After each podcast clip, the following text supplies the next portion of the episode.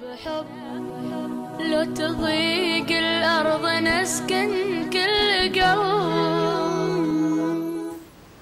Ana tidak perlu nanya sama diri Ana dan nanya kepada antum kan dosa apa ayo kita ngakuin tidak usah dosa itu tutup ikhwan tidak usah diberitahukan sama orang apalagi bangga sama dosa itu tidak boleh gini-gini saya itu kalau minum khamr uh 10 botol lewat mati maksudnya tidak boleh cerita. Dosa itu tidak boleh diceritain. Jangan kemudian antum nanti cerita ya misalkan kemudian sama anak-anak antum. Tahu nggak nak? Dulu bapak ini uh banyak perempuan yang jadi korbannya bapak. Ibumu itu salah satunya. Itu tidak boleh. Itu tidak boleh itu. Menceritakan dosa perbuatan perkara yang dibenci oleh Allah. Tidak boleh itu. Dosa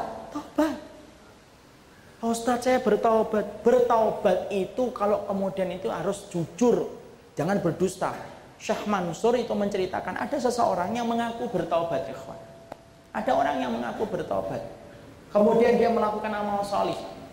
Sampai Syekh Mansur ini namanya Mansur siapa saya lupa. Dia melihat orang itu bertaubat, kemudian melakukan ibadah. Sampai kemudian satu waktu dikabari oleh ahli warisnya bahwasanya temannya itu akan meninggal dunia. Datang. Kemudian Mansur ini rahimahullah ta'ala mentalkin dia, ayo ucapkan la ilaha illallah. Temannya ini yang dulunya sudah diketahui bertobat, melihat kepada Mansur dan berkata, justru kalimat itulah kalimat yang tidak mampu aku ucapkan. Suh, Ngomong yang lain bisa, ngomong la ilaha illallah tidak bisa. Kemudian Mansur ini kaget, loh kamu bukankah orang yang sudah bertobat? Sudah kemudian melakukan amal salih. Kemudian orang itu berkata, karena aku dusta dalam tobatku. Jadi orang menyangka aku ini ibadah. Tapi setiap aku di belakang aku melakukan dosa. Sampai satu waktu aku sakit berat. Lalu aku berkata kepada Mushaf Quran, Ya Allah demi Allah, kalau aku kemudian engkau berikan kesembuhan, Ya Allah, aku bersumpah demi Allah, aku akan beribadah. Selang satu dua hari, Allah menyembuhkan saya. Kemudian setelah saya sembuh, saya kembali lagi melakukan dosa ketika tidak dilihat orang. Sampai Allah berikan aku sakit kembali yang kedua kalinya. Kembali aku memegang Quran, kembali aku berkata kepada Allah, Ya Allah, berikan kepadaku ya Allah kesembuhan demi Allah. Kalau saya sembuh saya akan bertobat dengan tobatan nasuha. Kembali satu dua hari setelah itu Allah memberikan saya kesembuhan. Dan kembali lagi saya mengulang sampai yang ketiga. Sampai kemudian Allah memberikan sakit saya yang keempat. Sakit yang keempat itulah sakit yang paling berat dan menyebabkan kematiannya.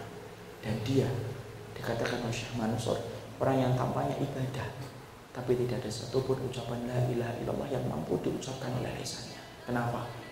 Telah tobat dusta. Tobat ikhwan jujur kita sama Allah. Kenapa? Karena sesungguhnya Allah itu mencintai kita bukan hanya karena kita banyak sholat. Allah itu mencintai kita bukan hanya kita banyak sedekah. Tapi Allah itu mencintai kita salah satunya karena kita menjadi orang yang bertobat kepadanya.